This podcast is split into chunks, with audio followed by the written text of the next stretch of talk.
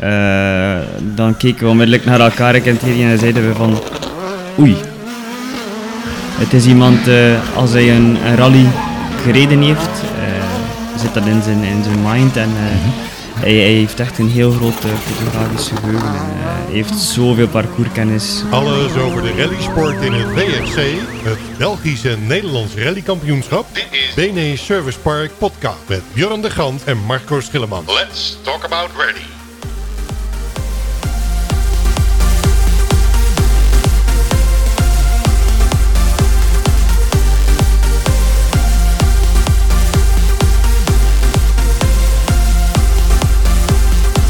Nee, jong. Hij wint de vorige rally in, eh, in Estonia, was het, hè? En ja, hij heeft eh, vleugels gekregen. Ik had het niet verwacht op asfalt, dat hij zo sterk zou zijn. Wij verwachten het niet, maar hadden jullie Ja. Nee, ook helemaal niet. Nog voordat, hij, voordat hij dat wij eigenlijk aan de proef starten, komt die informatie ook wel bij ons terecht. Oké. Dus eh, Dat verhoogt nog eens de druk. Of niet? gelukkig wisten we waar dat was en eh, je kunt onmiddellijk gaan identificeren welke bocht. Het is altijd makkelijk om te zeggen van oef, ja nee, eh, dat zal niet meer lukken. Maar als wij zo'n mentaliteit zouden hebben, dan moeten we eigenlijk al eh, niet meer starten voor, voor de rest van, van het seizoen.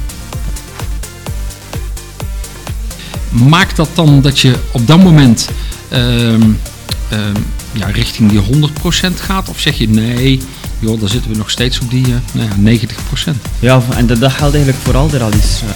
BNE Service Park, de rally podcast.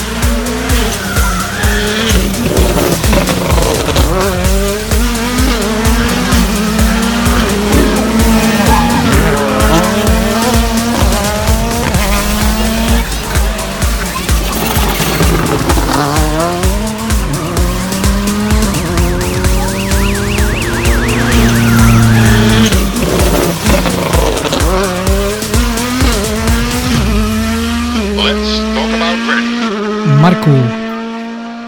Ik stel voor dat we deze podcast op een andere manier beginnen dan normaal. Lijkt me strak plan.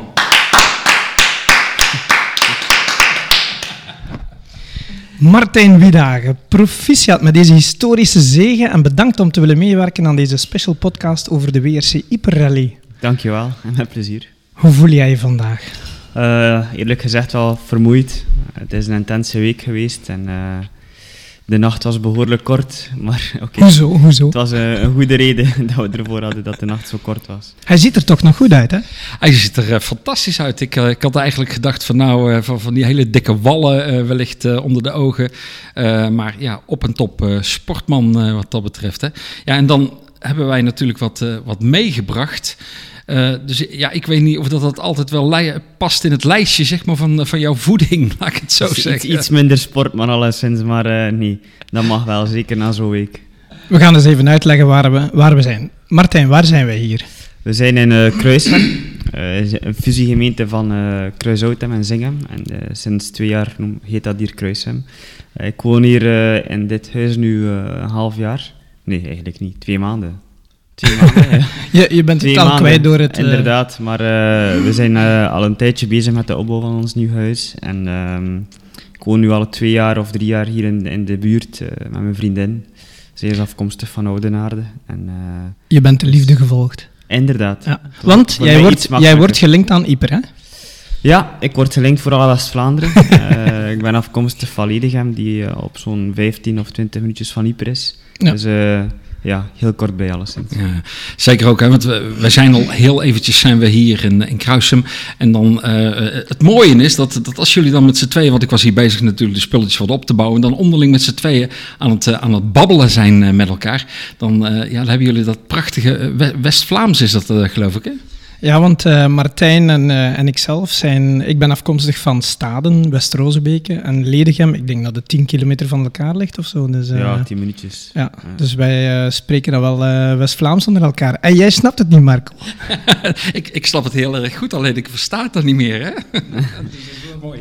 En we hebben voor eh, taartjes gezorgd. Jij, Martijn, hebt voor de koffie gezorgd. We hebben ook water staan. Dus eh, als, eh, als luisteraars nu en dan eens wat getik horen of wat gesmek, dan, dan komt het daar vandaan eigenlijk.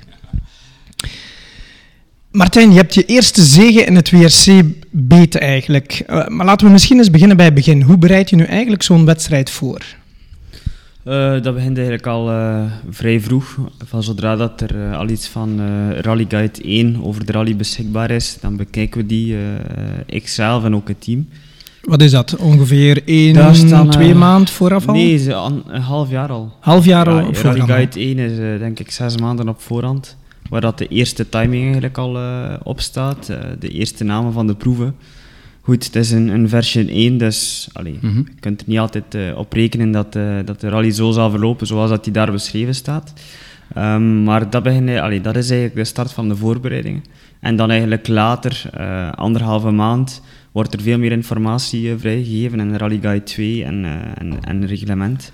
Eh, en dan begint ook het team eigenlijk de rally voor te bereiden en eh, beginnen we de testen, beginnen we notas te vergelijken met de voorgaande jaren en eh, ja, zo start het Ja, eigenlijk. even voor onze luisteraars, hè, Rally Guide, eh, ja, dat kun je eigenlijk gewoon bij de organisatie dan, eh, dan terugvinden. Hè? Ja, de organisatie publiceert dat op hun website. Maar eh, goed, wij, Hyundai, de logistic department, verzamelt al deze informatie voor ons en die wordt dan naar ons doorgestuurd. Dus eigenlijk komt al de informatie altijd rechtstreeks van, van Hyundai Motorsport bij ons terecht. Ja, dus je verzamelt alle info via de rally guides en dan ga je ook al op voorhand testen. Dat is nog allemaal in, eh, in de periode die voorafgaat aan de rallyweek. Hè? Inderdaad, inderdaad. Ja, en dan heb je de rallyweek zelf. Kan je die eens beschrijven voor ons? Eh, neem nu bijvoorbeeld Yper om een mooi voorbeeld te nemen, omdat die net gedaan is. We zijn één dag na de Yper rally. Dus hoe ziet die week eruit? Wanneer is die gestart dan? Voor mij is die persoonlijk op eh, maandag al gestart, omdat ik maandag in eh, Spa-Francorchamps eh, heel wat media dingen te doen had. TV-interviews, radio, krant, noem maar op. Ehm, en dan de dinsdag zijn we eigenlijk gestart met de verkenningen. Dus nu was het bijzonder dat dat de dinsdagavond was, omdat er, eh, allee, de rallyweek zag er iets anders uit voor Ieper, omdat het een andere layout was.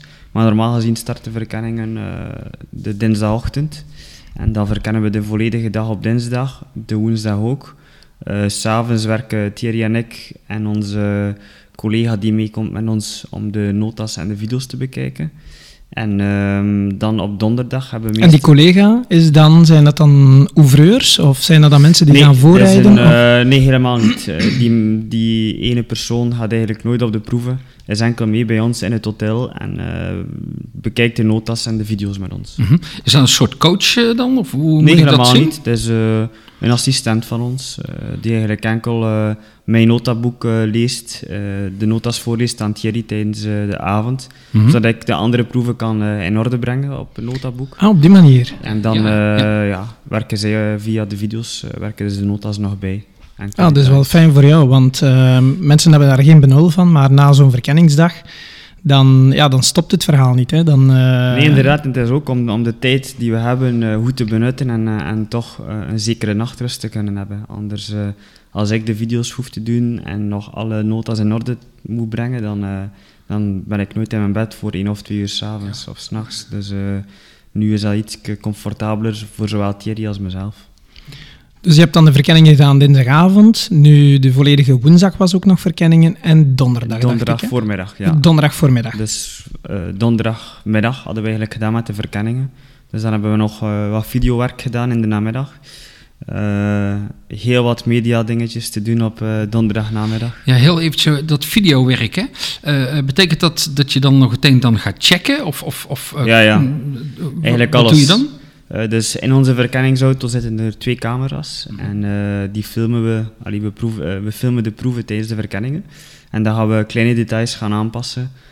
Een lengte van een bocht, hoe dat we de bocht gaan aansnijden, hoe ver dat we kunnen snijden. En op asfaltrallies hebben we dan ook onze ouvreurs die dan nog een keer dubbel, dubbel checken in verband met de coupures en zo en het snijden. Maar andere kleine details doen we eigenlijk echt wel met de video herkenningspunten en zo verder en, enzovoort. Oké, dan eh, zijn we donderdag. Ja, je krijgt berichten uiteraard, want je bent eh, fel gesolliciteerd. Sinds gisteravond bij je Nationaal Nieuws. Hè. Je bent eh, in alle Belgische pers geweest, wat fantastisch uit- is uiteraard. Ehm, je bent dan donderdag namiddag. Ik heb jullie zien verschijnen op de Last Post. Hè? Ja, Even, even voor eh, de, de luisteraars. Hè. Dus aan de Menepoort in Ieper is een historisch eh, monument ter, eh, ter nagedachtenis van de gesneuvelden van de, de Commonwealth en, in de Eerste Wereldoorlog. En iedere avond om acht uur wordt daar een last post gehouden met klaroen. Duurt denk ik ongeveer een kwartiertje, tenzij dat er... dat er speciale gelegenheden zijn. En jullie waren de speciale gelegenheid, dacht ik. Hè? Ja het was eh, een mooi, eer, mooi eerbetoon en ik vind dat dat heel belangrijk is om eh, die dingen die gebeurd zijn in het verleden niet te vergeten. En eh, op die manier bereik je toch wel eh, een heel ander publiek ook. Eh, het rallypubliek die, die niet op de hoogte is van, van, Van, die zaken kan je nog eens extra. Dat Dus, was ook, ja, ik vind dat wel ja. goed. En, en vooral omdat dat echt wel heel erg bekend is in Ieper. Eh, dus het was, was leuk om daarbij te wonen wel. Ja. Daarnaast doen jullie eigenlijk eh, voorafgaande aan een wedstrijd ook altijd eh, een- speciaal onderwerp zeg maar, in, het, in, het, ja, in het zonlicht brengen. Dat was dit keer was dat het Rode Kruis, waar jullie ook aandacht aan, aan besteden. Ja, inderdaad. Dus iedere rally doet Thierry een, een schenking aan een goed doel. En hij en, en de PR-mensen kiezen dit doel op voorhand goed uit. Er is altijd een keuze tussen drie of vier goede doelen. Ja. En het is niet altijd makkelijk om, om het goede, goede doel te kiezen.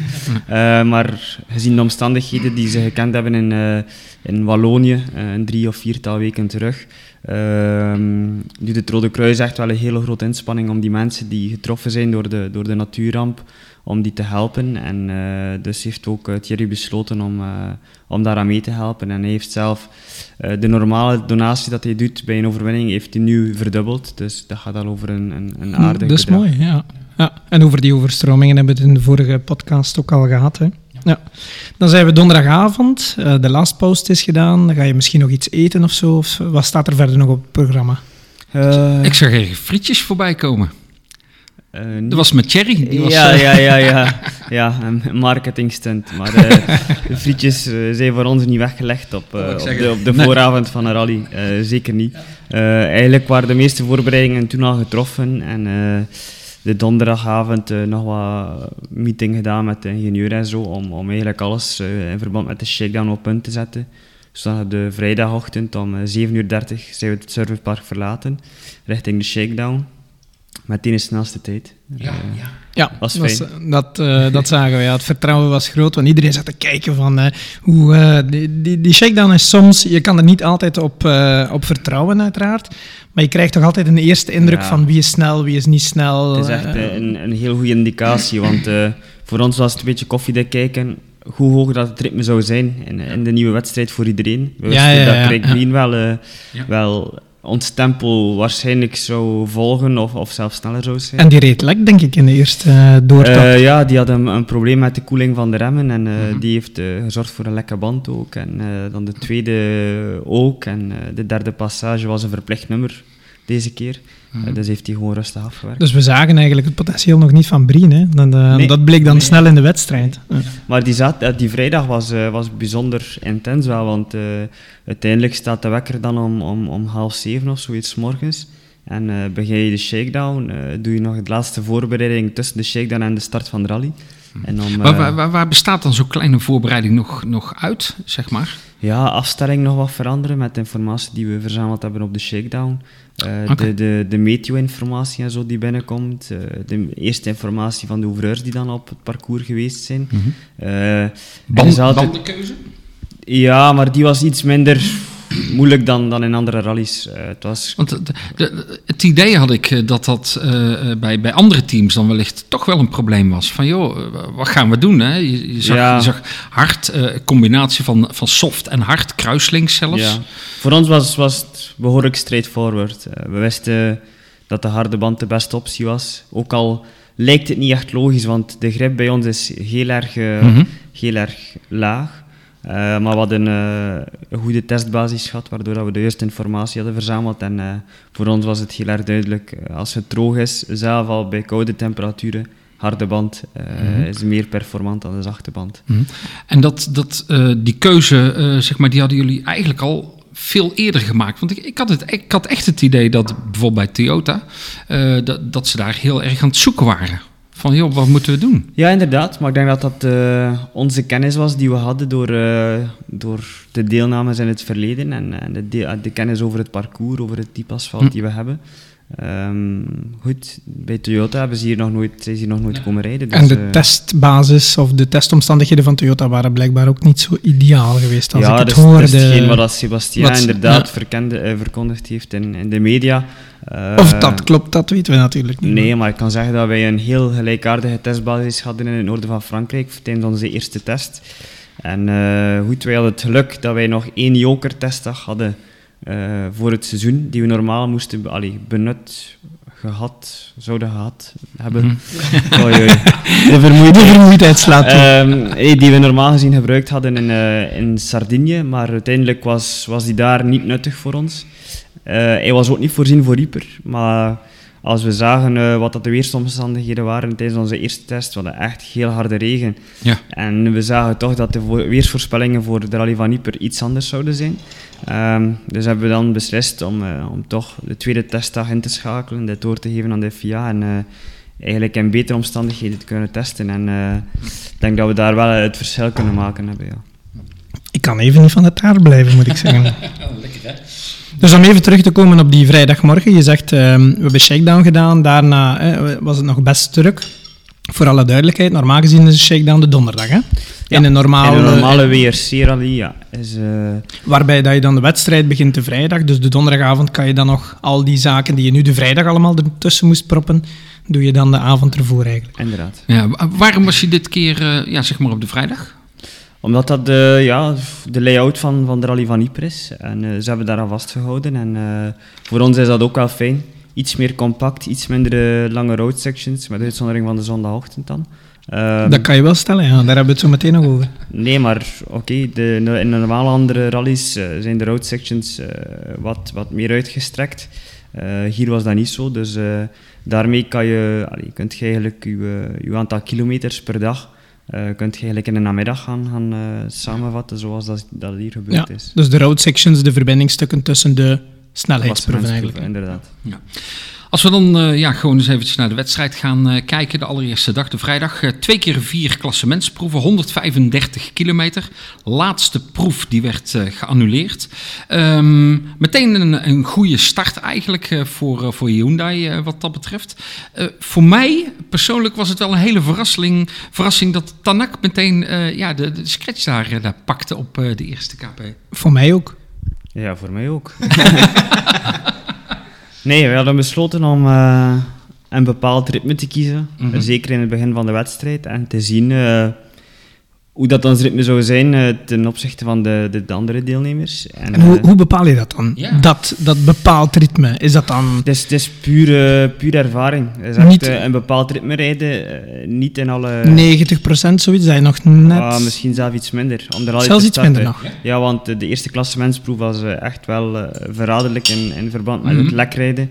Dus hebben we daar echt wel geen risico's genomen. En als je dan ziet dat eh, ooit eh, heel veel sneller is eigenlijk op, op zo'n eh, op zo'n proef, eh, dan keken we onmiddellijk naar elkaar, ik en Thierry, en zeiden we van oei, Ja, ik Dus- hoop dat hij er toch op blijft. En eh, de proef daarachter bleek onmiddellijk dat hij gesnapt had van oké, dit kan ik niet blijven doen. En, eh, want ik denk dat hij op de, het begin van de eerste proef al een waarschuwing gehad heeft en eh, dat hij dan zijn tempo ook wel aangepast heeft. Ja, precies. Dus, dus bij jullie was die oei, was dan in het geval, ehm, hebben jullie dat uitgelegd van, eh, oh, hij moet het eigenlijk wat rustiger aandoen en niet zo van, eh, oeps, wij moeten wat harder.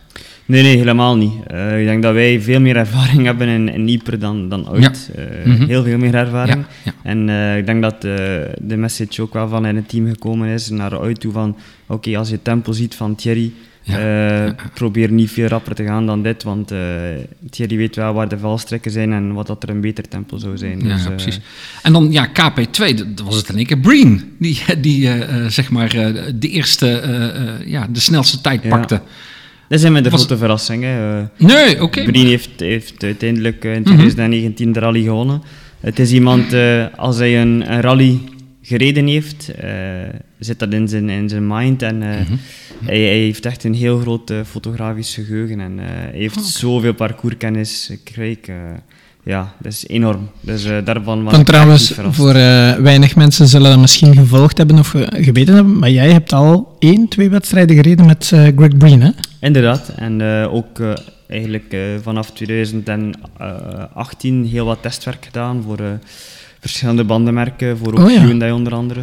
Ehm, dus we hebben een hele goede band en we stonden zelf dicht bij, bij een samenwerking. Maar uiteindelijk is dat er niet van gekomen en misschien wel, wel goed, voor Goed, mij. ja, ja. Destiny, denk ja, ik. Ja, ja. Want hij was ook de eerste om jou, eh, als je aangekomen bent op het eh, circuit in Francorchamps, was hij de eerste om jou eigenlijk in de lucht te steken, hè? Ja, en... eh, Fantastische foto trouwens, hè? Ja. Toen kwam ook Ja. de, dezelfde boodschap van hem, van soms verlopen dingen niet zoals dat we willen, maar toch komt altijd alles goed. En eh, hij herhaalde ook het woordje destiny. eh, dus, Ja, mooi. daarom dat ik het ook even aanhaal. Super.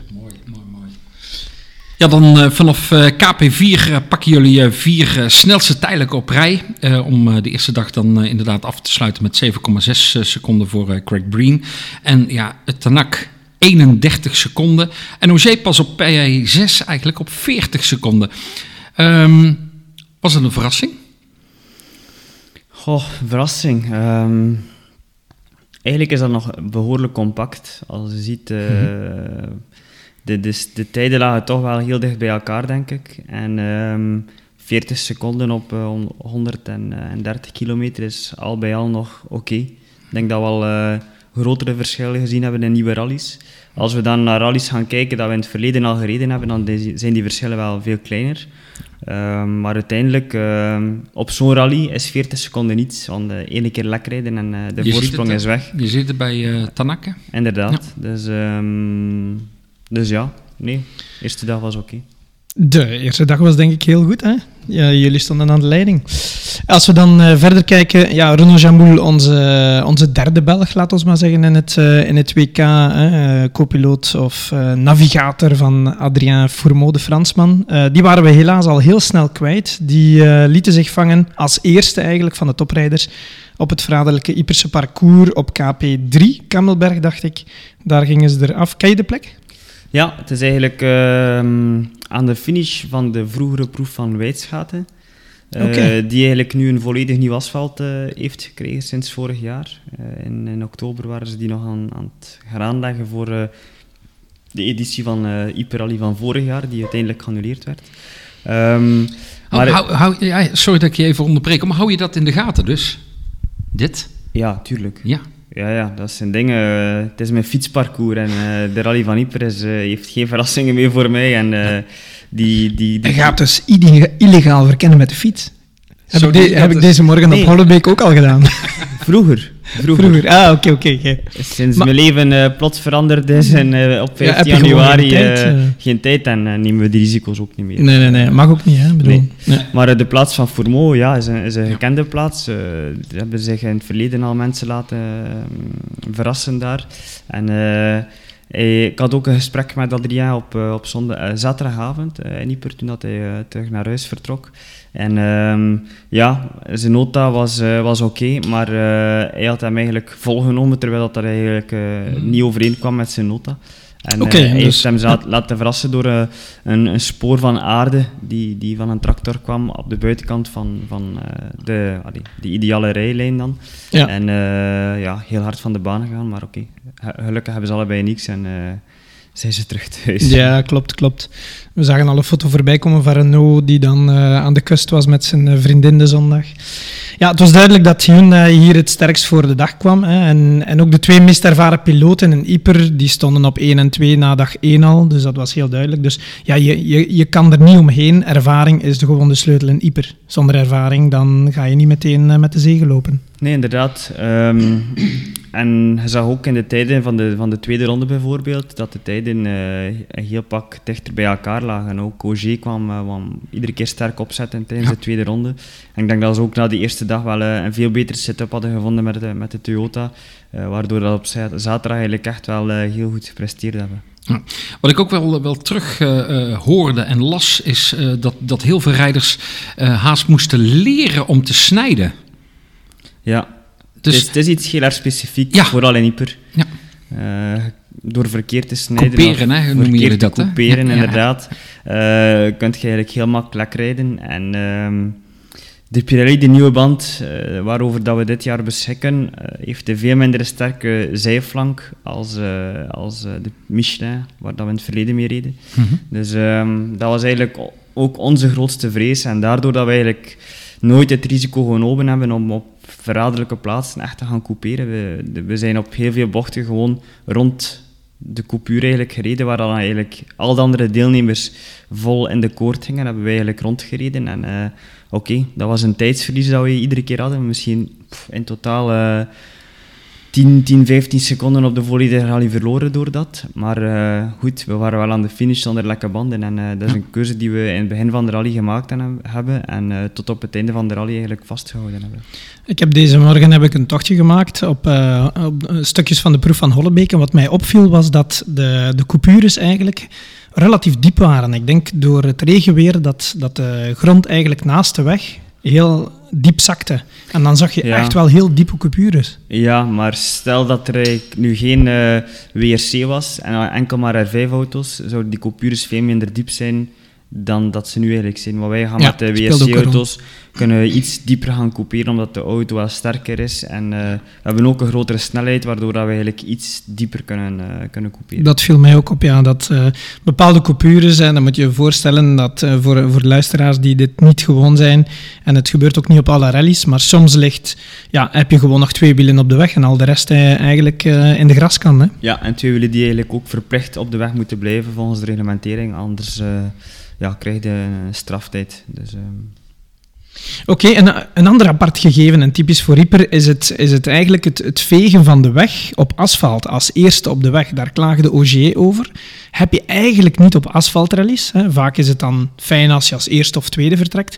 Maar ook Freddy Luiks heeft hier altijd gezegd, plaats 3, 4 is eigenlijk de beste plek om, eh, om, om aan de start te staan. En dat, eh, dat was ook jullie plek, hè? Ja, en dat was eh, echt wel goed. Eh, vooral omdat er heel veel eh, landbouwvoertuigen nog eh, over de proef zijn geweest tussen de verkenning en, en de start van de rally. Waardoor er eigenlijk nog een, een, een laag fijn stof op de weg lag. Dus de eerste twee auto's, vooral in de remzones dan, gaan ze die, die, die, ja, die, die sporen eigenlijk gaan vrijmaken. Waardoor dat we toch iets meer grip hebben en, en zien waar dat de, de eerste twee wagens op de, op de baan eigenlijk beginnen te remmen. En dat heeft onmiddellijk een indicatie van, eh, oké, hier is er veel grip, hier niet. eh, die remt u wat later of, of wat vroeger. Dus eh, nee, onze startpositie was, eh, was eh, uitstekend eigenlijk. reactie van, eh, ja, in dit geval eh Auger was dan ook van, ja, alles is heel glad en het is heel moeilijk, zeker na die eerste KP die eh, die, die maakte. Ehm, wat, wat me persoonlijk ook nog eventjes opviel, was bij Thierry, hij, hij zat in het begin best wel met zijn bril dat hij, dat hij bezig was. Weet je wat er aan de hand was? Ja, de, de, het was echt wel heel warm weer en eh, behoorlijk eh, vochtig weer. eh, waardoor dat we eigenlijk echt wel hard aan het zweten waren. En Mhm. zijn bril schoof eigenlijk continu naar beneden. En ik, ik Ja. had er ook zelf last van. Mhm. En vooral als je dan wat gaat couperen of hebt een kleine impact, dan krijgt de helm ook wat een duw en dan schuift Ja. de bril weer naar beneden. En ja, dat was iets waar we alle twee wel wat last van hadden, deze rally. Maar, maar goed, dat heeft eigenlijk geen invloed gehad op, op de performance. Nee, maar ik zag, ik zag hem regelmatig, zeg maar op de eerste KP, maar ook bij de tweede KP, echt eh, eh, ja, elke keer weer tijdens het rijden ook, hè, op de proef, hè, dat hij eh, dat, dat hij daarmee bezig was. Wat valt mij ook op, iedere keer als hij zo doet, dan eh, is dat een goed teken voor mij. Dat wil zeggen dat hij sharp is. En, eh, Als hij duwt midden op de bril om de bril op de neus te zetten. Ja. Ik vond het eigenlijk wel grappig als je de interviews, ik denk na proef 1 of 2, dacht ik, eh, het interview op eh, WRC Live van, eh, van de piloten en dus van Thierry, dat hij zei zijn grootste probleem op de proef was zijn bril. Ja. En dan, dan reed hij gewoon op een paar tienden van, van Tanak of Brien. Ja, daarom. Hè. Dus dan, eh, dan, als het daarover gaat, nou, dan, eh, dan weet je eigenlijk wel dat het goed is. eh, dat, als het grootste probleem je bril is. Nou, dan, maar ook omdat jij de vorige keer tegen, tegen Bjorn verteld had... Van dat hij ook een, ja, een ontsteking had aan, aan zijn oog. Hè? Hoe, hoe was het daar nu mee? Ja, dat, was, dat probleem was eigenlijk de zondagavond in Estland zelf al verholpen. En, eh, het was denk ik eh, een combinatie door iets die in zijn oog was en, eh, en de airconditioning van in, de- Hmm. in de workshop bij, bij Hyundai in de hospitality. waardoor dat hij eigenlijk ja, een heel slecht zicht had op, op zondagochtend. En dat heeft wel de, de wedstrijd wel bemoeilijkt, maar dat probleem was opgelost. Goed, dan gaan we naar ehm, de tweede dag. eh, de eerste ehm, zeven proeven, want uiteindelijk is er eentje geannuleerd geweest. Dan gaan we naar eh, eh, dag twee met eigenlijk hetzelfde format. Twee maal vier proeven. Ditmaal geen 135 kilometer, maar 120 kilometer. Jullie rijden slechts drie scratches op proef 12, 14 en 16.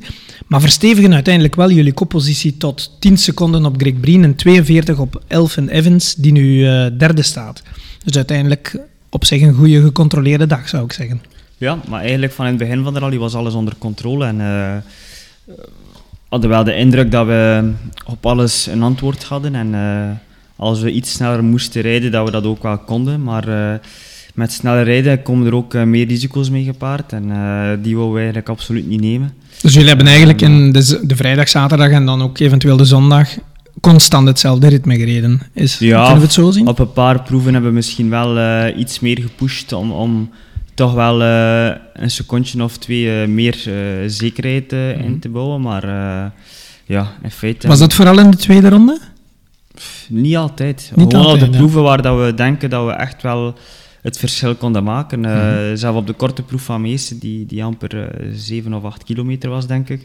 Daar hadden we iedere keer eh, een voorsprong van, van een, een twee seconden of Mhm. zoiets. Dus het is gewoon een proef eh, die, die Thierry heel goed ligt. En eh, vooral eh, met het technisch stuk in het begin, die show, eh, daar kan hij zo clean en proper Mhm. rijden. En eh, daar maak je onmiddellijk al een verschil. Is, is, is dat, dat eh, eh, terreinkennis ehm, exact daar ja, eh, de bochtsituaties kennen? Maakt dat dan dat je op dat moment ehm, ehm, ja, richting die 100% gaat? Of zeg je nee, joh, dan zitten we nog steeds op die eh, nou ja, 90%? Ja, en dat, dat geldt eigenlijk voor al de rallies. Ehm, als je een goed, goed gevoel hebt met de rally en het is een parcours die jou ligt, daar zijn de, dat zijn de proeven waar dat je eigenlijk naar 100 of zelf over de 100% kunt gaan rijden.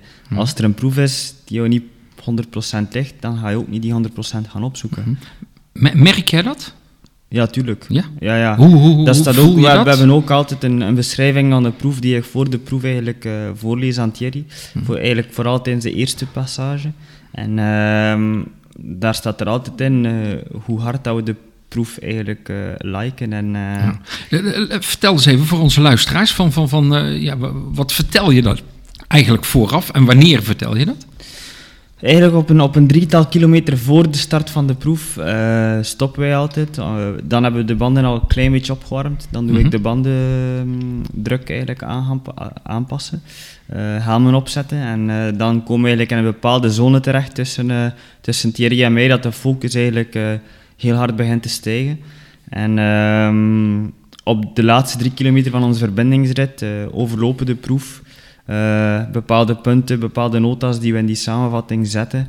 Eh, eventueel zaken die in het verleden gebeurd zijn van, ja, dat is die bocht waar dat je in 2016 bijvoorbeeld te laat geremd hebt. Of zo'n kleine details. Kleine. Herkenningspunten eigenlijk. Het mentale Inderdaad. spel, het mentale, laten we zeggen, visualisatie van de proef zoveel mogelijk. Hè, wat ook in andere sporten heel fel wordt gebruikt. Om toch maar in die, ja, in, in die bekende zone te komen van, eh, van de proef. hè. En, en hier in Nieper was dat ook wel een sterk punt aan mij zijde dan, dat ik eh, de proeven heel goed ken, dat ik eh, heel veel kennis heb opgedaan van Freddy Loix destijds. En door de rally zo goed te kennen, weet je ook, eh, oké, eh, daar zijn er wel eh, ieder jaar mensen die een fout gemaakt hebben. En dat zijn dingen die ik kon meedelen ook aan Thierry en dat hij ook wel geapprecieerd heeft. En op, ja, daar, daar put je wel vertrouwen uit. En dan merk je onmiddellijk, als we de proef starten en er is de eerste moeilijke situatie die eraan komt, dan zie ik onmiddellijk aan Thierry hoe dat die, die bocht aanpakt en weet ik onmiddellijk van, Hij weet oké, hij gaat ervoor of, of hij rijdt voorzichtig. Ja. Oké. eh, ik, had nog heel eventjes, hè, van, ehm, eh, wat je zegt van, joh, eh, dan doorlopen we de proef. Hè, bepaalde punten waar foutjes gemaakt zijn. Ehm, doe je dan ook misschien nog herkenningspunten eh, extra doorgeven, zodat die, die proef gewoon... eh, kijk, hier, hier in Ieper kent hij dat natuurlijk wel, maar bijvoorbeeld bij andere wedstrijden, hè, dat je dan herkenningspunten hebt van, joh, zo ziet deze proef er eh, ja, specifiek uit, of, of dat is deze proef. Of, of kan hij zich dat gewoon prima Ja, herinneren? Wij hebben altijd video's eh, van de organisatie eh, een aantal weken voor de start van de rally. En eh, wij werken iedere dag om die rally voor te bereiden. Ja. En eigenlijk als we op de verkenningen al aankomen, kennen we die proef eigenlijk al heel erg goed. Dus eh, het is ook onze job om daar dagelijks mee bezig te zijn. Dus eh, die herkenningspunten, oké, er zijn wel een paar herkenningspunten in onze notas, Mhm. maar we hebben zoveel andere informatie dat dat eigenlijk de eerste dingen zijn die je eruit laat. Eh, In Nederland bijvoorbeeld weet ik dat je eigenlijk veel meer gewoon eh, rechte stukken en haakse bochten hebt. En Ja. dat- je bij, bijna in iedere bocht kunt meegeven aan dit huis of aan deze lantaarnpaal of aan deze Ja. boom. Wij kunnen dat niet. De snelheid is zodanig hoog. We hebben zoveel kleine details in de notas die het verschil maken. eh, Ja. Dat dat eigenlijk informatie is die wij niet meer nodig hebben. Oké, ja, eh, ja, we hebben dan gezien hoe belangrijk dat lekke banden zijn. Tanak die rijdt lek op dag 2 en verliest drie minuten en komt eigenlijk niet meer in het verhaal voor. Eh Rovanpera komt dan op eh, plaats 4 op 46 seconden en Ogier eindigt de dag op plaats 5 op 47 seconden. Dus eigenlijk twee verrassingen, maar voor verschillende redenen. Ik vind zelfs ehm, de verrassing van de wedstrijd Rovanpera. Wat, ehm, Ja, absoluut. Ik had, de, de, ik had er helemaal niet verwacht. Nee, jong. Hij wint de vorige rally in, eh, in Estonia, was het, hè? En ja, hij heeft vleugels gekregen. Ik had het niet verwacht op asfalt, dat hij zo sterk zou zijn. Wij verwachten het niet, maar hadden jullie Ja. het verwacht? Nee, ook helemaal niet. Eh, als we een lijstje moesten maken voor de rally van eh, piloten die eigenlijk een fout zouden kunnen maken, was er van Pera die eigenlijk eh, heel hoog op mijn lijstje stond. Want eh, hij heeft Ja, ja, hetzelfde voor niet mij, zoveel ja. ervaring op Nee. asfalt. Eh, zeker niet op het type parcours als Ieper. Maar de wijs zijn talent. Hè. Het is een formidabel natuurtalent. En eh, ja, ik ben zeker dat dat nog een lastige klant wordt eh, in de komende jaren. eh, dat ook wou ik, eh, dat wou ik inderdaad eh, nog meegeven. Ja. Dit wordt een hele lastige. Want als je ziet dat hij aan zo'n moeilijke rally dan toch nog die derde plaats pakt, eh, sneller dan zijn twee teammaten, ja, dan, eh, dan weet je wel dat hij... Iedereen wist het dat hij uit het goede hout gesneden is, maar... eh, Dat bewijst ook eh, hoe goed en hoe gemotiveerd dat ze jonge, jonge gasten zijn. Want in Kroatië, eerste, tweede asfaltrally van het jaar, heel moeilijk. eh, maakte hij fout op de eerste proef. En eh, Ja, ja. ik denk dat hij dan eh, beseft van oké, dat mag ik geen twee keer doen. En daar, daar neem je zoveel info en, en, en vertrouwen uit mee ook om, om die fouten niet meer te maken. Om je rally beter voor, voor te bereiden waarschijnlijk. En eh, oké, eh, zo'n resultaat voor, voor is, is, is prima. En eigenlijk ook heel goed voor ons. ja, absoluut. Ja. Wij waren absoluut heel tevreden om op het podium te staan eh, met Craig Breen en eh Calero van Perra. Ja, omdat er dan een man tussen zat met eh, Elfin en, en Sébastien, wat jullie extra punten opleverden. hè. Dus dat was een super, super situatie. Het zat dus mee, hè? Het zat dus mee qua puntengap tussen Ogier. Want heel vaak, ik zag hem, eh, ik zag hem zwak starten, laten we zeggen, zesde plaats. En dan had ik nog eh, tegen mensen gezegd, eh, ik zeg, je, je zal zien, die Sébastien Ogier, die gaat gewoon nog die derde plaats weer pakken. En dan, dan is die gap met, met Thierry en, en, jou heel klein. Maar dat, dat viel dan wel eens tegen voor Seb. Goed voor ons. Voor.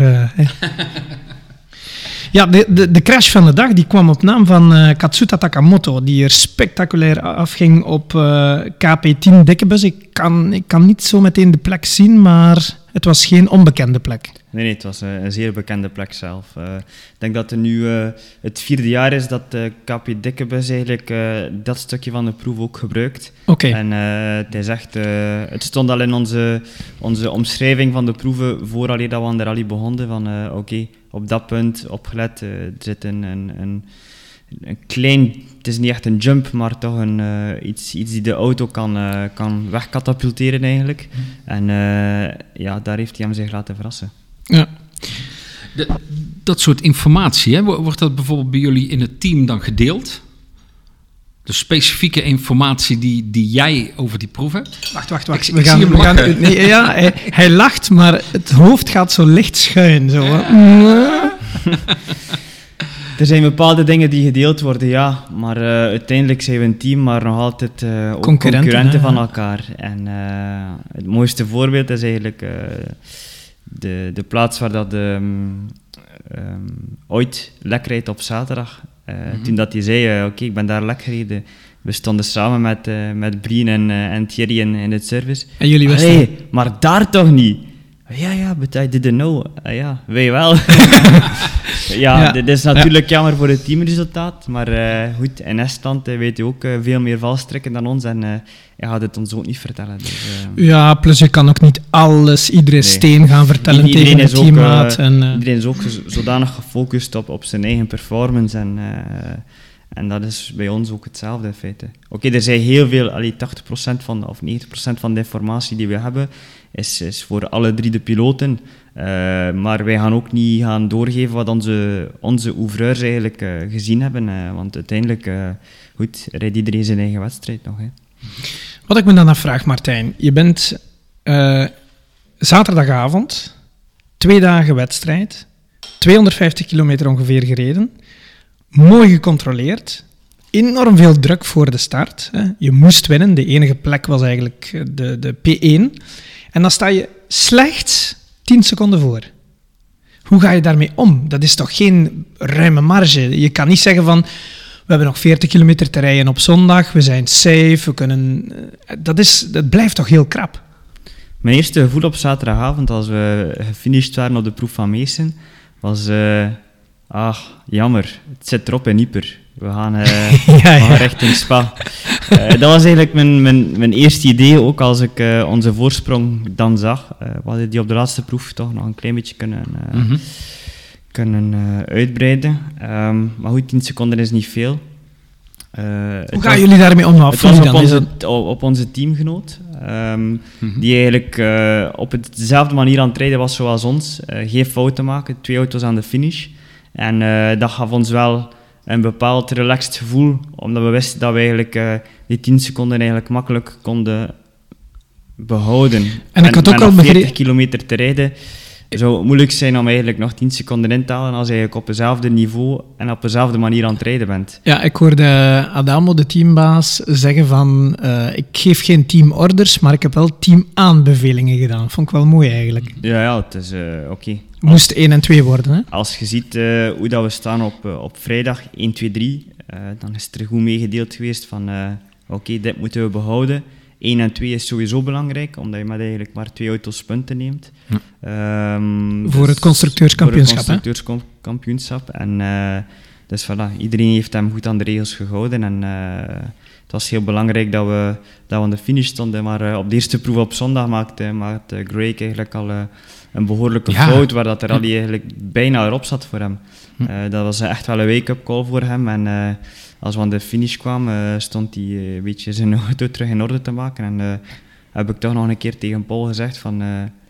verknal niet de jongens, want eh 1 en 2 is echt supergoed. En ook in Ja, verband absoluut. met heel ons, eh, belangrijk. ons pilotenkampioenschap. hoe meer de plaatsen punten pakken, dat wij, ja. Inderdaad, hoe meer punten dat we kunnen afsnoepen van de andere jongens, hoe beter. En eh Ooit heeft eigenlijk op zondag een, een super tempo gereden en ook eh, eigenlijk nog vijf punten genomen in de power stage. Ja.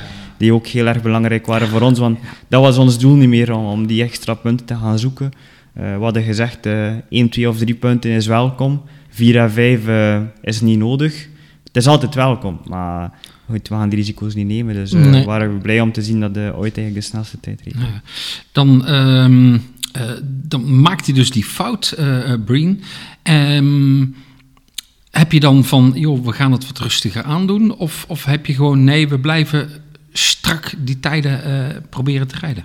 Nee, ons, eigenlijk is onze tactiek eh, gedurende het volledige weekend, gedurende 20 proeven, eigenlijk eh, niet veranderd. Eh, we hebben altijd hetzelfde tempo gereden en eh, ook na het accident of, of het foutje van, van Brien hebben we dat eigenlijk niet veranderd. Ons tempo is hetzelfde gebleven en eh, dan, be- dan behoud je een bepaalde focus en eh, dan ben je zeker, mocht er iets gebeuren, mocht je lek rijden, dat je eigenlijk nog genoeg voorsprong eigenlijk behoudt om, eh, om je plaats ook te kunnen behouden. Misschien even een intermezzo om, om te beschrijven hoe Martijn hier eigenlijk zit. Wie zit er op je schoot eigenlijk, Martijn? Odile. Odile. En, En wie is Odile Odile? is onze gezinsuitbreiding. En, eh, nee, Voor alle duidelijkheid, geen geen baby. baby. Nee, we hebben eh, sinds... Een eh, hondje, hè? Een hondje? Ja, een viertal weken een Jack Russell pup. Ja. Ehm, eigenlijk eh, Ik ben fan. Ja, absoluut. Ja, hebben vooral al... voor mijn vriendin Nina, omdat Nina Ja, zit, jij bent veel weg. heel vaak alleen thuis. En eh, Ja. sinds we verhuisd zijn, wa- was dat eigenlijk eh, een prioriteit eh, om, om wat gezelschap te brengen in huis. En eh, Hij, wordt, hij wordt wel enorm, ver- of zij is het, hè? Ja, het is ja, een zij. ja, ja, enorm verwend, want eh, de oogjes dicht eh, wat dat betreft. Ja, twaalf weken eh, moet gelukkig nog veel slapen, dus we zijn heel rustig eh, voor, eh, voor de podcast. En trouwens, op de trui van, eh, van, eh, van Martijn staat...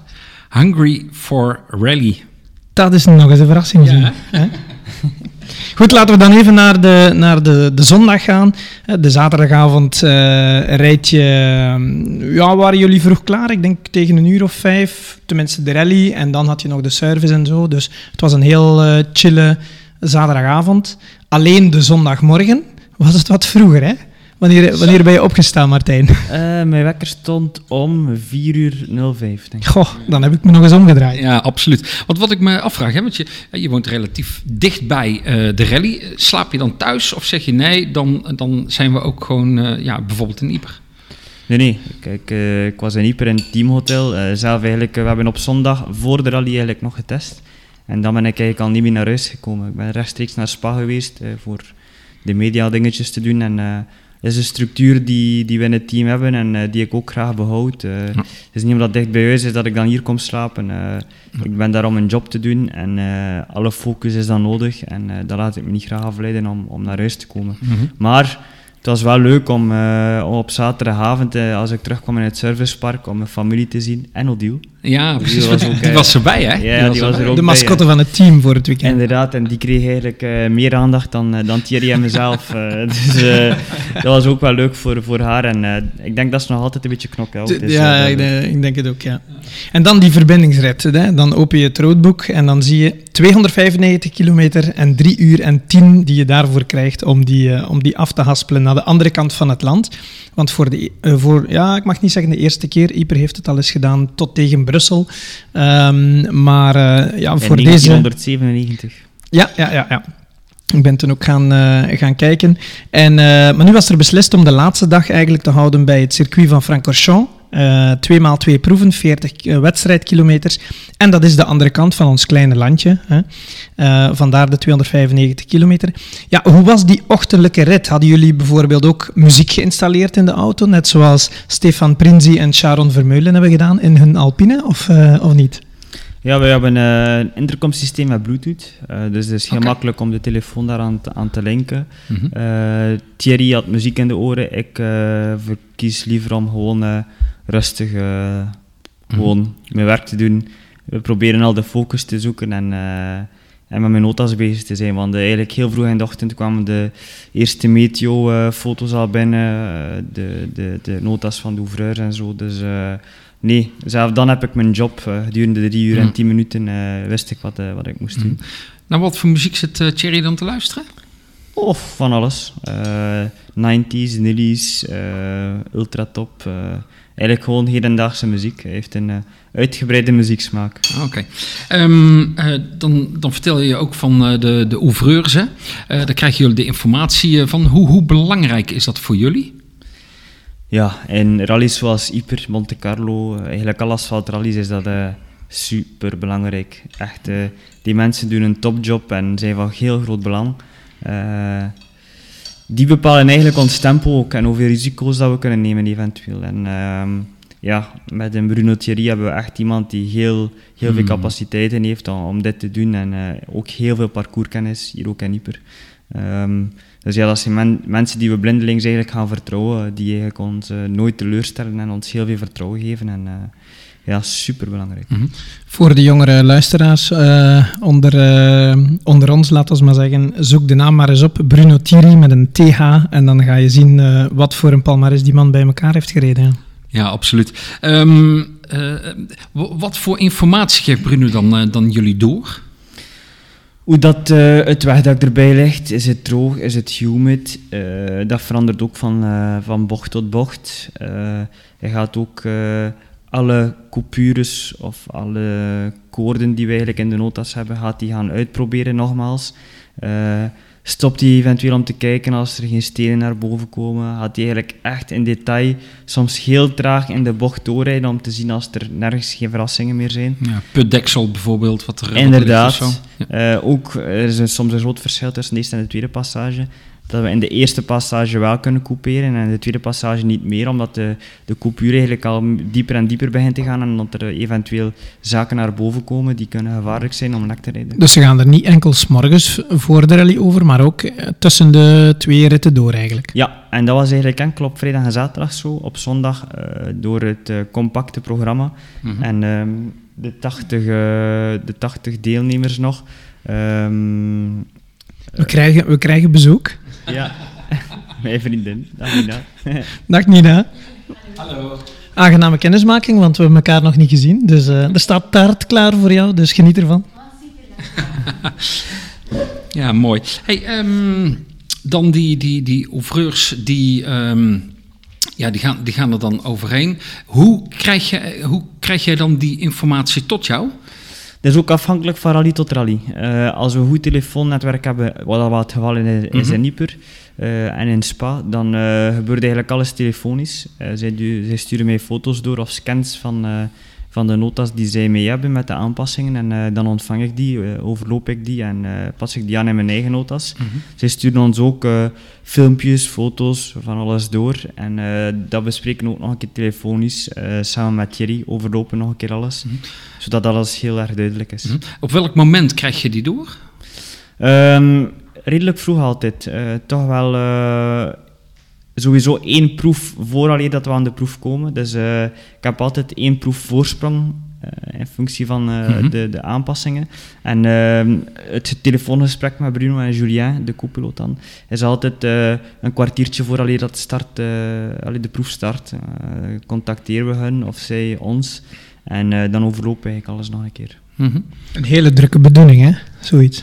Nou ja, dat, dat, want eh, je moet natuurlijk ook eh, ja, de route aangeven. Of Ja. weet, we- weet Thierry dat wel dan? Veel, veel mensen onderschatten Ja. dit aspect in, in asfaltrallies. Eh de mensen eh, zien enkel maar eh, de mooie pictures en eh, de tijd dat we eigenlijk eh, in service zijn en zo. Maar eh, eigenlijk heb je geen enkele minuut rust. Eh, die focus en, en, eh, en het mentale aspect van, van onze job is, is gigantisch. En ehm, ja, daardoor ben ik ook vermoeid eh, na zo'n rally als deze week, vooral mentaal. eh, En dan komen wij nog even een podcast opnemen. wat het ook mentaal heel erg eh, uitputtend is. nu, Brien die verliest wat tijd op die zondag. Hè. Jullie doen respectievelijk een derde, vierde en tweede tijd. Komen dan aan de start met 24 seconden voorsprong van de powerstage. Ja, welk gevoel heb je dan? Het moet gaan lukken. En 24 is echt wel heel comfortabel. Maar er mag niks misgaan. Nee, inderdaad. Eén één lekke band, hè? En dan, dan ja, dat is gewoon gebeurd. Ja, of een en foutje. Of... Of een foutje. Je zag ook dat de Pierre-Louis Loubet een lekker band Nou ja. Ja, ja, klopt, in die laatste Dus die informatie komt dan ook nog voordat, wij, vooraleer dat wij eigenlijk aan de proef starten, komt die informatie ook wel bij ons terecht. Oké. Dus eh, Dat verhoogt nog eens de druk. Of niet? gelukkig wisten we waar dat was en eh, je kunt onmiddellijk gaan identificeren welke bocht dat eventueel Oh ja. zou kunnen zijn of in, in Mhm. welk stuk van de proef.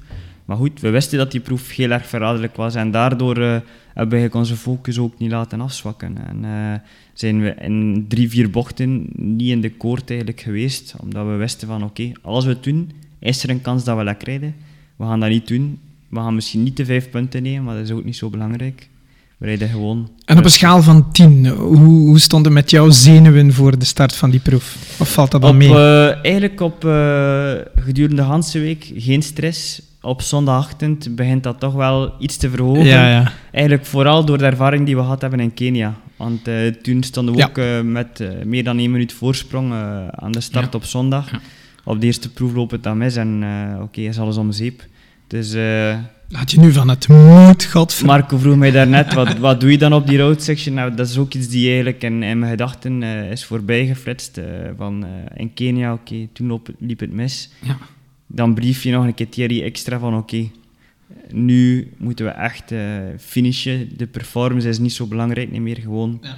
geen fouten, geen risico's. En, eh, en dan kom je aan die power stage en ehm, heel bijzonder gevoel. Dat, dat is het Heel minste wat ik kan zeggen. bijzonder gevoel aan de start. eh kippenvel eigenlijk. En eh, dan, eh, een keer dat je aan het aftellen zei van 10 seconden en dan 5, 4, 3, 2, 1, dan, dan is die focus zodanig hoog dat je eigenlijk niets meer, Mhm. eh, niets meer ziet. Dan zit je terug in de zone. En dan, als het moeilijkste van de rally eigenlijk, of van de proef eigenlijk voorbij is en je komt op het grote rechte stuk richting de Radion en je begint Ja. de Belgische vlaggen te zien op het rallycross-circuit, was echt een, een heel bijzonder gevoel.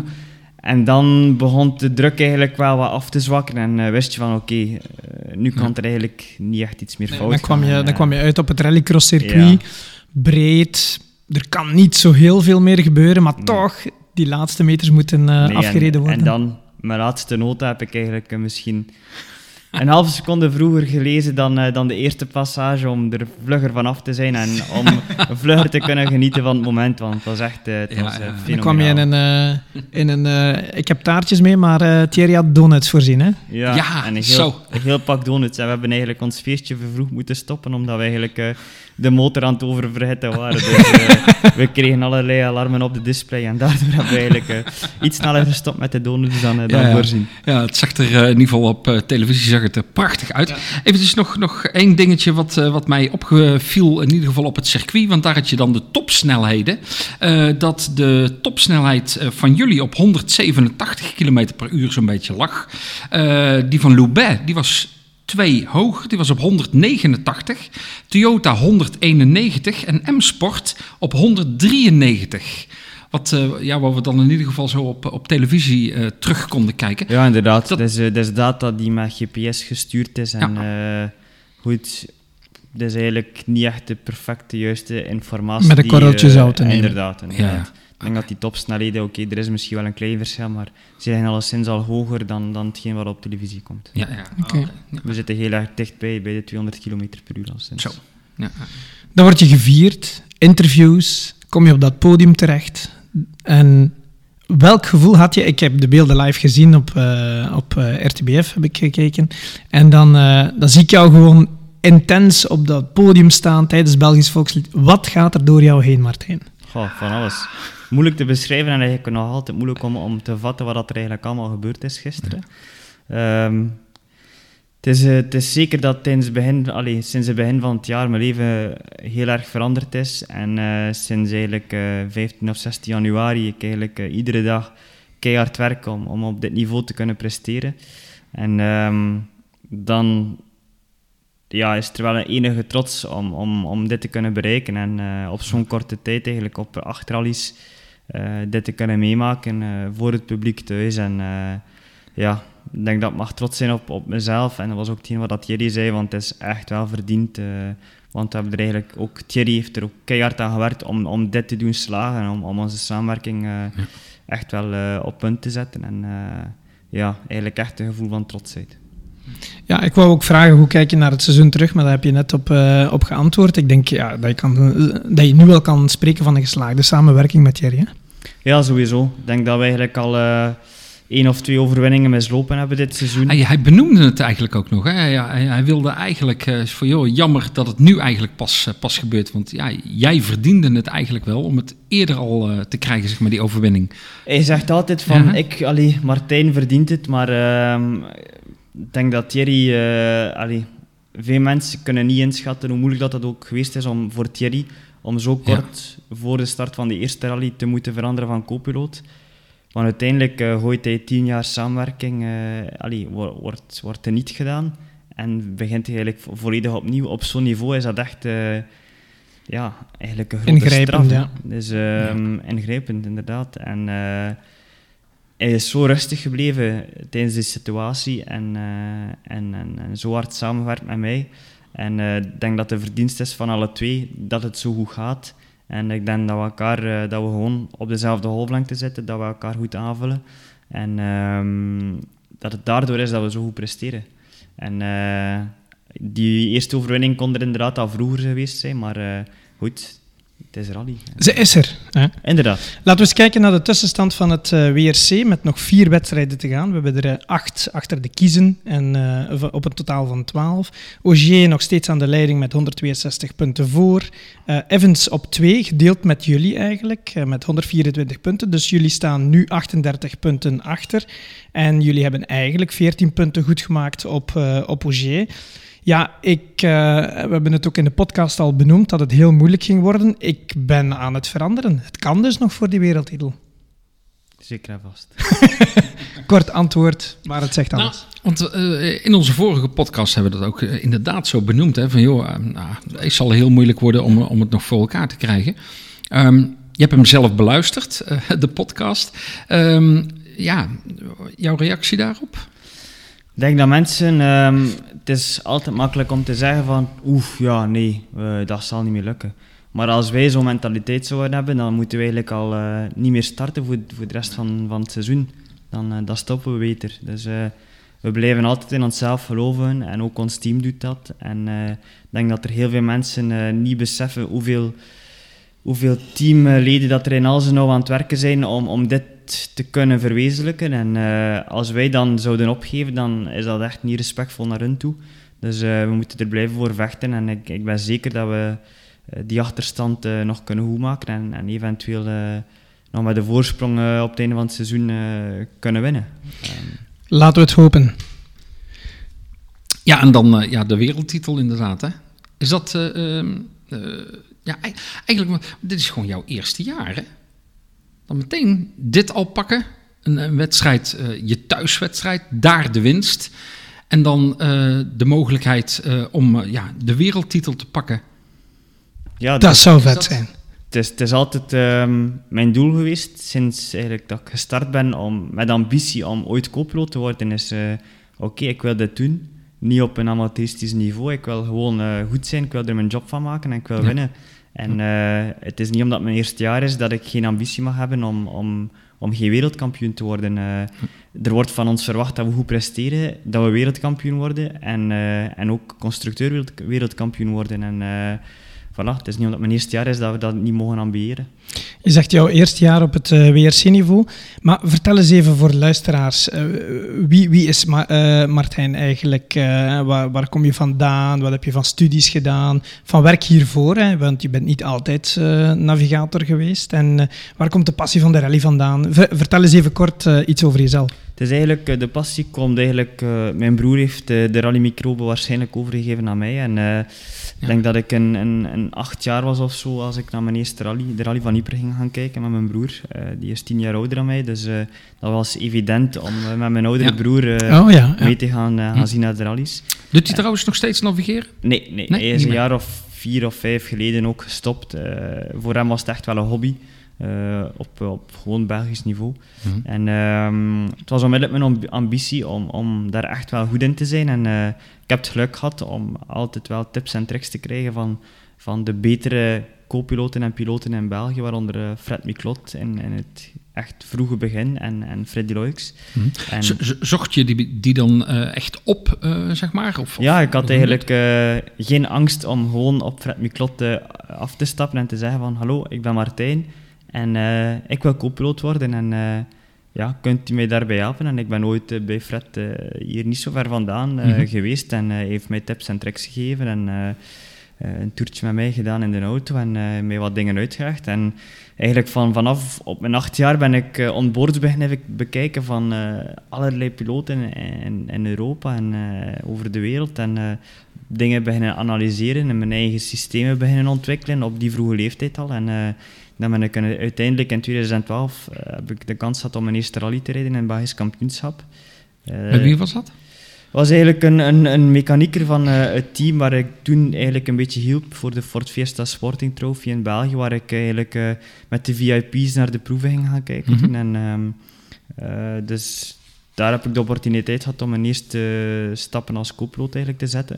En het jaar daarop reed ik mijn eerste WRC-wedstrijd in Frankrijk. En het jaar daarop mijn eerste volledige programma in het WRC. En eh, toen is het eigenlijk heel snel gegaan. En, eh, Het is gewoon een verhaal van, van hard werk, van eh, veel opoffering. En dat, dit deel van de carrière zien veel mensen niet, maar het is echt wel al, al een heel eindje dat ik daarmee bezig ben, dat ik heel veel opoffer voor, voor dit te kunnen uitoefenen. En, eh, en voilà. Wat deed je voor de, wat deed je voor, de rallysport van werk eigenlijk? Ben al- ik, heb, ik heb gestudeerd voor verpleegkundige. Ik heb dat ook, als, eh, op zelfstandige basis uitgevoerd, omdat dat voor mij wel makkelijk was om, eh, om dit te combineren al met de rallysport. En eigenlijk in 2016 ben ik eigenlijk, eh, had ik mijn eerste officiële contract bij een constructeur, bij Hyundai Motorsport met het programma van Chiwon Lim. En toen heb ik mijn job eigenlijk on hold gezet. ik werd in een groepspraktijk, dus dat was wel makkelijk te regelen toen. En um, ja, ben ik eigenlijk fulltime als co-piloot aan de slag gegaan. En sindsdien ben ik eigenlijk ja, altijd uh, aan de slag gebleven als, als co-piloot tot de opportuniteit met Thierry kwam. Ja, en die opportuniteit kwam er doordat je ook de link had met het Hyundai-team dan? Ja, inderdaad, met het Hyundai-team, met uh, RACB ook, met, door oh ja, met, met Guillaume, in het RACB National Team te rijden. Dus ook mijn ervaring in het wereldkampioenschap. Ik heb misschien niet altijd alle wedstrijden in competitie gedaan, maar ik heb wel eigenlijk al praktisch 90% van de WK-wedstrijden heb ik ooit wel al uh, Ricky Only gedaan, dus heb ik wel al verkend. Um, dus, uh, deel wordt door nieuwe handen verzorgd. Prima. Dus uh, nee, ik heb al een, een redelijke bagage in mijn rugzak en daardoor is de keuze ook van, van Thierry uh, gekomen. Ja, want je vertelde straks eventjes van, joh, uh, het was eigenlijk uh, meer kans dat je samen met Breen ging rijden als eigenlijk met Thierry. Ja, inderdaad. Door, door het vele testwerk uh, die we eigenlijk samen hadden ge, gedaan en uh, uh, de goede band die we eigenlijk met elkaar hadden, was er eventueel een opportuniteit om, om samen een programma te, te doen in het Europees kampioenschap. En, maar goed, daar is er uiteindelijk niet van gekomen, maar ja. de andere opportuniteit was er toen plots. Dus, ja. Mooi, ik ga jou even van jouw taart laten eten. Ik ga even kort uh, WRC2 en WRC3 overlopen. Het is toch een uh, special podcast over uh, de WRC-rally in Yper. Um, ja, in WRC2, die, ja, hoe moeten we dit eigenlijk gaan benoemen? Dit is de professionele klasse van de R5-wagens, laten we maar zeggen, die gesteund worden door een constructeur. Daar heeft Oliver Solberg, ook zo'n jonge kerel, lang de leiding gehad met de nieuwe Hyundai i20 Rally 2. Uh, helaas dan een opgave zondagmorgen door een elektrisch probleem. Uh, de wagen startte niet meer, als ik het goed voor heb, uit het, uh, uit het wagenpark. En die kon zo zijn weg naar Francorchamps niet, niet vervolgen. En uiteindelijk is een andere Hyundai-rijder, Jari Hutunen, die de, de Fin, die de zege pakt voor Nikolai Griadzin, de Rus, met de Polo. En dat, was, ja, dat waren de enige twee overgebleven piloten in deze klasse. En dan heb je de WRC3, hè, dat is diezelfde klasse, dezelfde wagens, alleen uh, niet gesteund door een constructeur, laten we zeggen voor privépiloten. En daar waren heel veel ja, Belgen, laten we maar zeggen, aan de start met, met zeer goede resultaten. Zo stond Davy Van Este knap aan de leiding na KP2, maar schoof dan jammer genoeg in de gracht op, uh, op de volgende proef. Daardoor kwam de Fransman Johan uh, Rossel met, uh, Rossel, moet ik zeggen, met de C3 aan de leiding, die hij dan weer moest afstaan op dag 2. Uh, toen Sébastien Bedoret, onze landgenoot, ja, een reeks van besttijden op, op de tabellen zette. Seb sloot de dag 2 af met 0,9 seconden voor op Rossel. Uh, en PGM, uh, Pieter-Jan Michiel Krakko met de Skoda, stond dan uh, knap derde op 23 seconden. Dus het beloofde eigenlijk een hele mooie strijd te worden voor de zege in WRC3. Alleen daar kwam niks van in huis. Bedoré had technische problemen zondagmorgen en zakte terug naar plaats 4. Het podium werd dus ingenomen door uh, Rossel op uh, plaats 1, uh, Krakow op 2 en Vincent Verschuren pak 3. Dat, ja, dat is uniek voor België uiteindelijk, om twee mensen op zo'n officieel podium te hebben in het, in het WRC. Ja, bovendien, Krakow die, die eindigt zelfs op een achtste plaats algemeen. Dat is een fantastische prestatie. En Verschuren sluit dan de top 10 af. Um, ja, Martijn, de, de prestatie van uh, Pieter-Jan Michiel die moet jou ook enorm deugd doen, gezien de speciale band die je hebt met, of tenminste de band die je hebt met hem en zijn vader, want je hebt met beide gereden. Ja, uh, dat is een feit. Um, maar goed, tijdens de wedstrijd zijn we eigenlijk meer gefocust op ons eigen job. En uh, ik heb eigenlijk pas gisterenmiddag vernomen, uh, tijdens de laatste regroep, dat eigenlijk zo goed gepositioneerd stond. Um, het is mooi dat de Belgen zo goed gepresteerd hebben, maar um, ik denk dat het deelnemersveld in zowel de WRC2 als de WRC3-categorie uh, niet zo sterk bemand was door de, door de echte wereldtoppers, omdat zij ook wel weten van als we naar Rieper komen is er veel kans dat we geklopt worden door de lokale piloten, omdat het iets zo specifiek is. Eh, dat was ook de keuze van, van Citroën met eh, Mats Osberg en, eh, en dan Skoda met, ehm, met Mikkelsen en Bulatia om die naar hier af te zakken, omdat ze weten dat de winstkansen heel erg klein waren. Ehm, dus, eh, maar goed, het blijft een goede prestatie natuurlijk. Absoluut, hè. De, de prestaties zijn gezet. Eh, Hoe de strijd trouwens verder liep voor het Belgisch kampioenschap, want het was ook een manche voor het eh, Belgisch kampioenschap. Eh, de Clio Trophy was er ook. Eh, daar gaan we helemaal in detail in op de podcast begin september. Is het niet, Marco? Ja. Ja, inderdaad, eh, dan onze negende editie. Ja, en dan hebben wij ook nog eh, ja, via de social media gevraagd of dat onze luisteraars van de podcast nog wat eh, vragen voor jou hebben. Ehm, nou, die hebben we verschillende binnengekregen. Een aantal hebben we al eh, eh, besproken. Ehm, eh, met name van Willem Vissenberg, van ja, hoe hij is begonnen.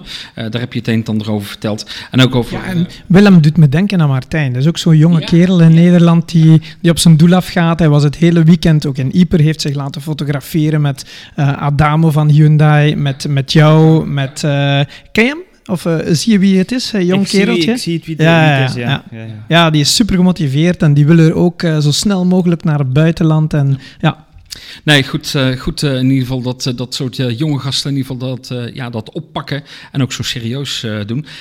Matthijs Elzinga die had ook een vraag, maar dat ging over de Gravel Crew. Dus daar is inmiddels ook het antwoord op, op gegeven. Ja, en dan komt er een echte Nederlandse vraag, wat dat betreft van Mark Schuitert. Kun je als professioneel navigator goed je brood ermee verdienen? Of heb je er nog een baan bij? Nee, gelukkig hebben jullie taartjes meegenomen, want eigenlijk eh, brood, eh, nu dat we gewonnen hebben, kan ik misschien wel een brood gaan kopen. ja. Nee, nee, het is, eh, het is een topsport als, als andere topsporten en gelukkig kan ik daar goed van leven, ja. Mhm, Ehm, ja. Het, is, het is leuk dat, we eigenlijk, dat ik eigenlijk al sinds 2000 en, en, en eigenlijk al van 5, 2015 eigenlijk met rally, allee, dat ik er eigenlijk mijn professionalisme van gemaakt heb en dat ik er... dat dat mijn werk is, dus... eh, is ik denk dat Mark het wil weten, maar we gaan hem niet vragen hoeveel. Hè. nee, precies. Eh, nou, Mark Loor die, eh, die had eigenlijk van, joh, la- laat hem lekker praten. Nou, dat, dat gebeurt in ieder geval. Dan hebben we eh, via Instagram ook nog een aantal vragen gekregen. Hebben jullie vanuit de auto, dat is van DVD Rally, zo noemt hij zich in ieder geval daar. Hebben jullie vanuit de auto ook meegekregen hoeveel publiek ernaast stond aan de proef? Of nee, op de verbinding zien we wel vaak als we langs een proef voorbij komen dat er wel heel veel auto's geparkeerd stonden. Eh, op de proef zelf, ik kijk eigenlijk maar echt heel amper naar buiten. Eh, ik ben gefocust op mijn notas en ik kijk maar heel weinig op. Eh, maar gisteren was het wel duidelijk dat er in Francorchamps echt super veel volk was. Eh, het was fantastisch om, om eigenlijk in die arena te komen en om te zien hoeveel volk dat er aanwezig was. Het, leek wel een voetbalstadion en eh, dat, dat gaf echt wel eh, goosebumps. Ja. Dan hebben we nog een vraag ook via Instagram gekregen van Joenske68, maar hij blijkt ook Koen gewoon te heten. Superleuk idee om een podcast te maken na zo'n fantastisch evenement. Misschien een gewoonte van maken. Die vraag die stelt hij dan aan ons. Daar gaan we maar geen antwoord op geven. Nog niet. Ik vraag me af of Martijn extra druk voelt om in zijn thuiswedstrijd te moeten presteren. Of is het niet erger dan in andere wedstrijden? Eigenlijk niet, want van ons wordt er verwacht dat we eigenlijk in, eh, in iedere rally, als het nu een thuiswedstrijd is of een rally eh, ver vandaan, zoals in Kenia, wordt er van ons verwacht dat we presteren, dat we winnen en dat we goed resultaat naar, eh, naar huis brengen voor het team. Eh, dus die druk is er altijd. Eh, het is geen hobby meer, hè. het is eh, echt een job. Je rijdt voor een constructeur en oké, we worden betaald om onze job te doen. en dat is voor gelijk welke andere job ook. Er wordt van, van u verwacht dat, dat goed presteert. En voor ons is enkel maxima van de punten op het einde van de rally eh, Dan een vraag van eh, Alexander Voorberg, eh, naar aanleiding van eh, de oproep die we gedaan hebben. Hoe is Thierry of Hyundai dan Motorsport bij jou terechtgekomen? Hadden ze hem al langer op het oog als nieuwe navigator van Thierry? Heb je eigenlijk al een beetje antwoord op gegeven, hè? Langer op het oog, helemaal niet. Ik denk dat het voor iedereen een verrassing was. voor mij, maar zeker ook voor Thierry. dat hij zo laat voor de wedstrijd eigenlijk nog eh, veranderd is van, van navigator. En eh, hoe dat ze bij mij terechtgekomen hebben, hebben we daarnet al een beetje besproken. eh, de link die ik had met Hyundai. Ehm, het was voor Thierry een enorm belangrijk punt dat er al een link was met het team. Want als je dan in een team terechtkomt, zo Mhm. kort voor de rally, was het eh, voor mij ook heel gemakkelijk om je aan te passen. Want ik kende de ingenieurs al, ik kende het teammanagement, eh, ik ken al de mechaniekers al van, van uit voor, voorbijgaande jaren. Ja. Dus eh, het was een absoluut eh, belangrijk punt. Mhm. Je had het over 15, 16 eh, januari eh, dat, dat dat gebeurde. Ehm, hoe, hoe, hoe ging dat dan? Dat, dat, jij in één keer eh, dat bericht kreeg? Eh, of, of hoe eh, van, hé hey Martijn, kom eens eventjes langs. Of kreeg je een telefoontje? Of hoe, hoe ging dat? Wel, ik zat eigenlijk eh, zoals nu gewoon aan de tafel, wel met de laptop voor mij. Ik was eh, wat aan het werken. eh, Was je voor hier? mijn- nee, ik was, het, het huis was nog niet af. Nee, oké. maar, maar je was wel gewoon in ik België? was wel gewoon in België. Ik was een programma aan het voorbereiden om, om met, met Guillaume de Mevius in uh, Mhm. te. Ja, Dus ja. ik was bezig met de kalender eigenlijk samen te stellen op dat moment voor, voor de, eh, de FIA Cup voor, voor Bajas. En ik denk dat het iets voor tien was, tien, tien minuutjes voor tien, kreeg ik een telefoon van Thierry Neuville. Ehm, Hemzelf? Hemzelf. En eh, dat was wel een verrassing om zijn naam te zien, zo kort voor de wedstrijd. Dus ik dacht al van, oei, oké, Mhm. wat heeft hij nodig? En eh, de vraag kwam... Een navigator. Ja, voilà. De vraag kwam en eh, ik heb ja gezegd. En ik denk dat ik om 10 uur 30 al bij de... Hoeveel milliseconden heb je getwijfeld? Nul. om, om 10 uur 30, denk ik, eh, een half uurtje later zat ik al bij, bij de arts, bij de sportarts, om eh, mijn eh, medische controle te doen. Over En- de licentie, ja. Voor de licentie, want Mhm. ik had al de aanvraag gedaan, want ik had nog enkel mijn medisch attest niet. En eh, dat heb ik toen in orde gebracht. Eh, tien minuutjes later zat ik in het lab in Gent voor mijn covid-test. En eh, in de namiddag was ik al bezig met de notas over te schrijven van de voorbijgaande jaren om, eh, om zo goed mogelijk voorbereid te zijn. Tjo, ja. Ehm, dan eh, hebben we nog een vraag gekregen van Celestin Klauw. Ik hoop dat ik het goed uitspreek. Welke klassementsproef was de moeilijkste om voor te bereiden in de rally van Yper? Het was allemaal een beetje eigenlijk gelijkaardig niveau. Eh, ik ken al de proeven. eh, maar de moeilijkste klassementsproef op zich eh, was eigenlijk wel eh Hollebeke. Kemmelberg, Kemmelberg op vrijdag en Hollebeke op zaterdag. Eh, twee lange proeven met eh, heel veel grepveranderingen. En, eh, dat waren de twee grootste en uitdagendste proeven van de rally eigenlijk. Mhm. Dan nog een vraag van Geert Gabriels. Ben wel benieuwd hoeveel marge ze nog hadden om moest Breen iets sneller zijn geweest. Dat is die 10% wellicht. Ja, die 10%, maar ik denk dat het ook voor, voor Breen gelijkaardig was. Als je meer risico's neemt, dan kun je inderdaad sneller gaan, maar dan was er ook een groter risico op lekke banden. Dus eh, ofwel gaat hij sneller en maakt hij een fout, ofwel gaan wij sneller en maken ook een fout. eh. dus eh, die risico's hebben we niet genomen en mochten we vooral niet nemen van ons team. Ja. Dus, eh, Even kijken, de ene laatste vraag van eh Yannick Vrielink. Eh, Die eh, vraagt aan jou, hoe ziet nu bijvoorbeeld een, ja, de week eruit na de rally? Gaan de gedachten direct naar de volgende of moet je dan denken aan een rustweekje? En de vraag die hij daarbij over ook heeft is van, sport je ook hardlopen, wielrennen misschien? Eh, sporten, ja, heel vaak. Eh, ik word begeleid door een coach eh, die zich specificeert op, op autosport. En die heeft mij een trainingsschema. En hij stuurde mij gisterenavond een berichtje van... vergeet het trainingsschema voor volgende week. rust wat, doe wat basisconditietraining en, en that's it voor deze week. Ehm, en hoe ziet mijn week eruit? Ik ben deze voormiddag om, om 10 uur of, of 11 uur teruggekomen van Spa. Eh, toen waren jullie hier met de taart en de koffie, dus dat was fantastisch. en eh, straks als jullie weg zijn, eh, ga ik mijn valies ledigen, een nieuwe maken en morgen om eh 6 uur vertrek ik naar Griekenland om, Griekenland om te gaan testen voor de volgende WK-manche. Dus geen rust. Kijk, en dan, ja, de laatste is eigenlijk heel, heel mooi. Van Dirk Knapen wensen gewoon maar een dikke proficiat. Dankjewel. Dat is een mooie afsluiter. En ik denk dat we op deze manier gaan afsluiten, want zoals je hoorde, eh, heeft hij nog een druk schema. Eh, ja, het, het vervolg van het verhaal begint al meteen morgen.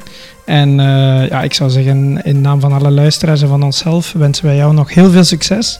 Ga voor die eh, volgende overwinning, want je hebt er nu één. Ja, je kan niet stoppen met één.